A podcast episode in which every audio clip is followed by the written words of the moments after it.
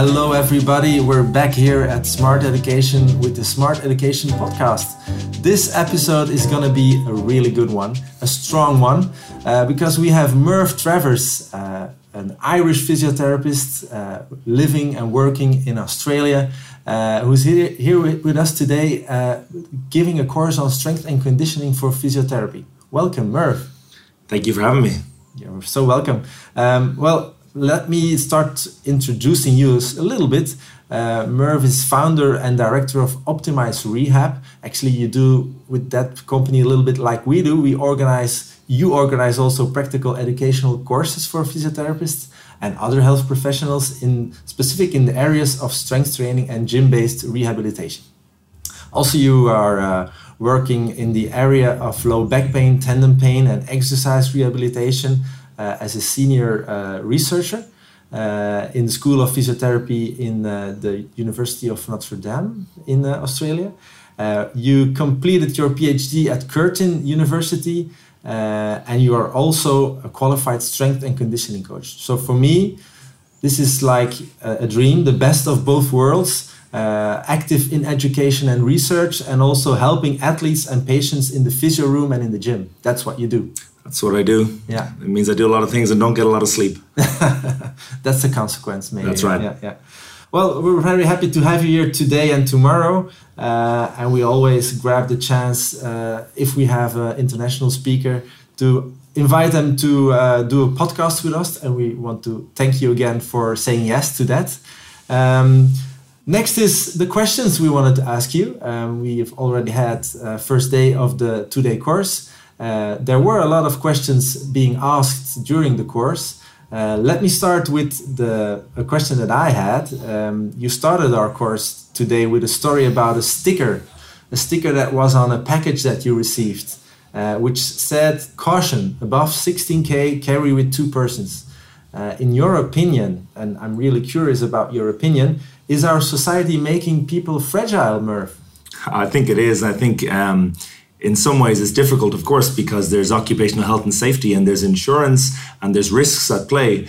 But uh, we've gotten to a world, and that story comes from receiving a 16 kilo package that says, "Look, this is a two person lift," or you know, consider using a mechanical aid. And I'm not really sure where we've how we've gotten to a point where 16 kilos requires a forklift. Mm. Um, and if you went into the gym, a 16 kilo dumbbell for many people isn't very heavy, yet out in the real world, it becomes a problem. And yeah. uh, I, I, expressed my frustration about this to some friends of mine. And one of them started laughing and said, You won't believe. And he showed me a picture because his mother, who's a teacher, had just received uh, two textbooks uh, for the following year, so weighing less than two kilos, and the package contained the same uh, sticker on it, so a less than two kilo package saying, you know, be careful with your back. And yeah. I think we need to be mindful that humans aren't fragile, no. but we're making them, and that in fact they are anti fragile, whereby we can stress your physiology to a point and come out the other end even better than we were before. And, and that's how strength training works.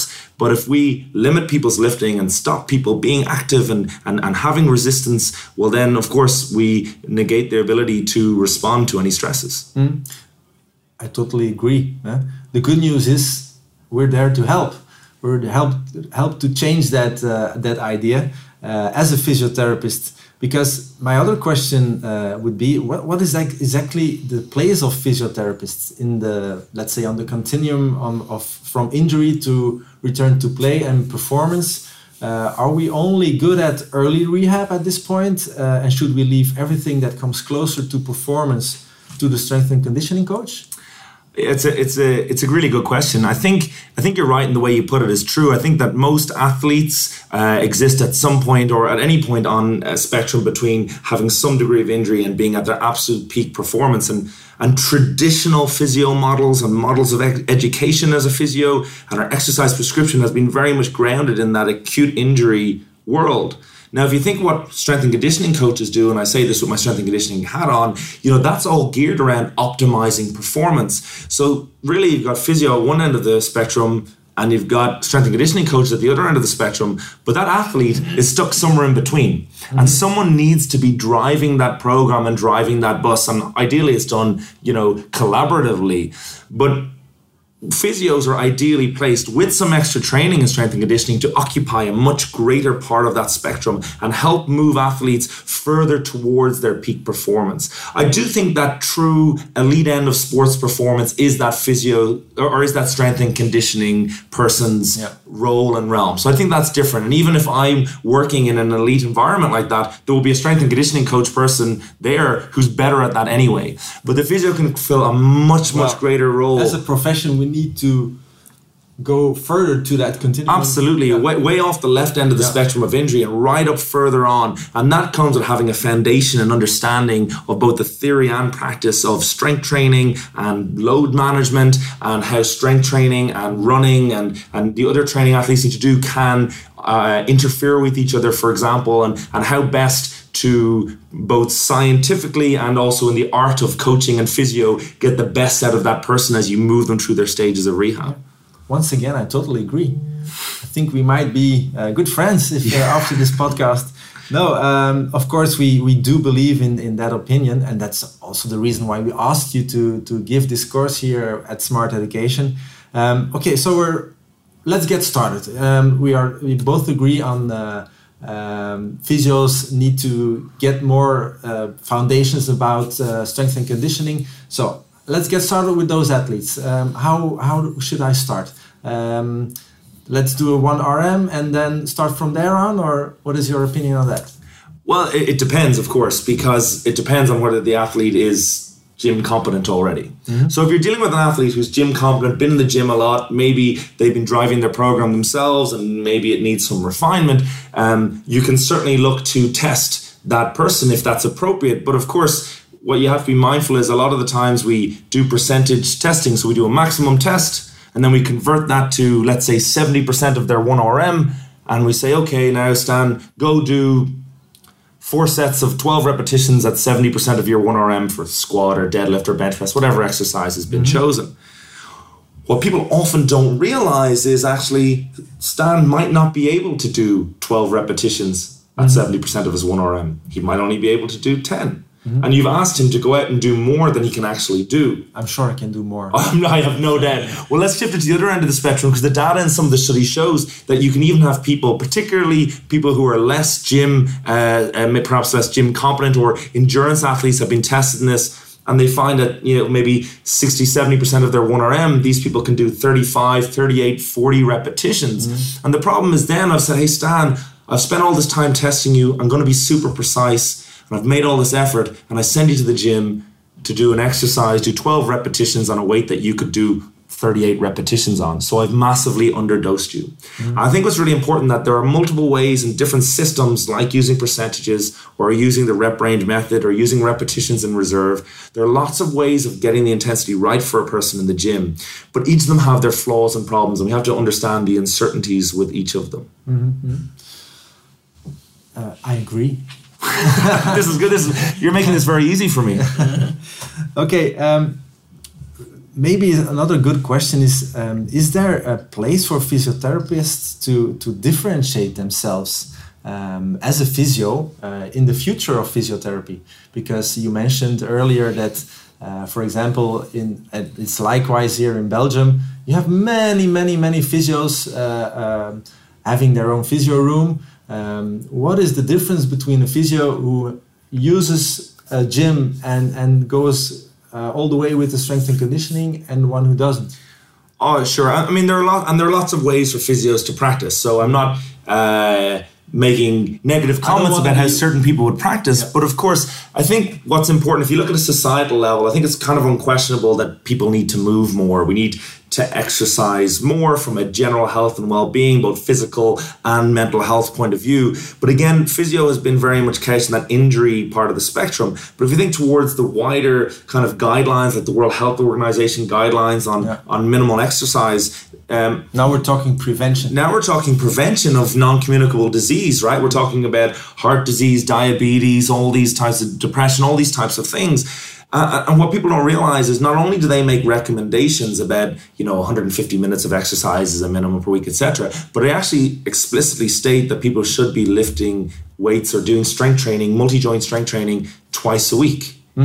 And even when you ask physios, it's been done in, in Australia, it's been done in the UK, and it's been done in Israel in the last couple of years. And we ask physios about um, their knowledge of the guidelines. Most people are pretty good at getting the aerobic stuff in there, but the data actually looks very poorly for yeah. physios when it comes to the resistance training components of those guidelines. And, mm-hmm. and, and, you know, to a certain extent, they're almost like these forgotten parts of the guidelines. And I suppose for physios who are even in that space, not even thinking about injury or rehab, but looking at that broader societal role in, in disease and injury prevention, you know, having a gym, having that knowledge base and that capacity to fulfill that role allows you to, you know, you know, put your services out to a much larger uh, community and provide a more important role in society than just waiting for perhaps for people to get injured and then trying to patch yeah. them back up again. Mm. It's better to have people in your practice uh, that ask you, how can I get stronger? How can I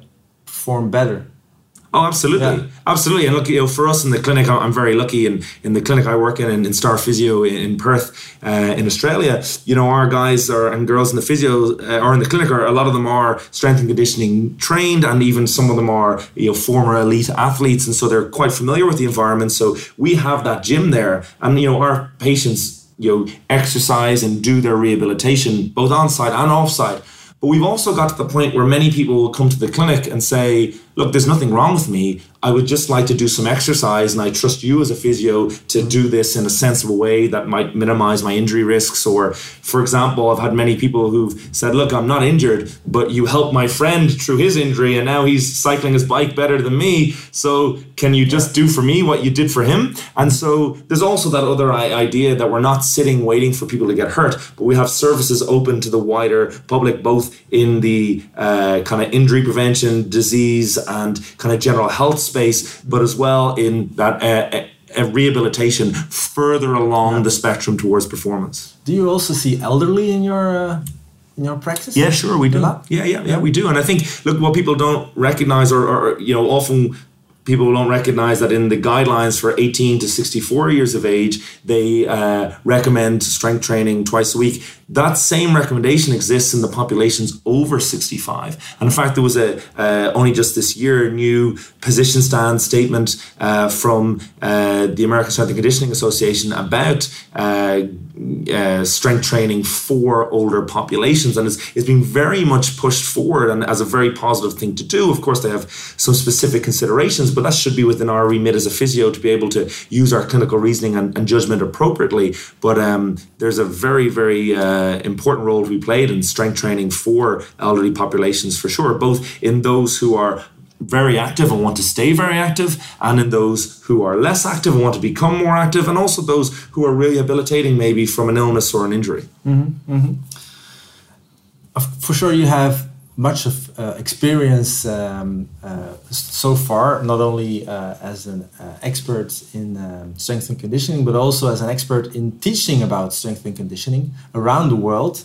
What would be the biggest thing that you came across and, and that made you think about um, mm, this is really important? I want to uh, learn people that if they come to my course, they should remember this and this if they leave the room, if sure. they if they go home. Can I can I give two examples? Can I give two things? Well, yes. For okay. this time, you can. Okay. Yeah. Okay. Well, look. The, fir- the first. The first thing is often um, what I see with physios when I speak to them about their programming. It's often very complex. So they have lots of exercises, lots of reps and sets, short breaks, supersets, all ways that they're trying to push that really feeling of intensity. Sexy. Yeah, yeah, absolutely. And, and and the more I do this and the more I speak to my colleagues, the more I've come back and the pendulum has swung back to me to just doing the basics really, really well. And in terms of optimizing strength outcomes, that's often doing fewer exercises than you might think, but really pushing that intensity higher with a longer rest period. And also um, uh, not trying to shoot for those you know, sexy exercises like Quick trying to do it standing on one leg on a Bosu balance ball, which really just reduces the amount of weight that person can can move in that uh, movement that you want. Mm-hmm. And so, trying to really optimize um, that simple, uh, executable program that that doesn't have the patient, you know, thinking too much or spending too much time in the gym or highly reliant on complex um, equipment. So that's the first thing. I think you know when it comes to programming, my philosophy is less is more, definitely. The other thing that I often see, and especially when I speak to younger physios, I think this is really important for them. Their patient often uh, will look them in the eye and ask them a very, very hard question. They'll ask them exactly how much weight should I lift? And that's really hard because the physios, they seem to freeze and they, they feel a pressure on themselves as though, I'm the health professional. I should be able to instantly say, you know, Stan, you should lift 88 kilos. Yeah. Right?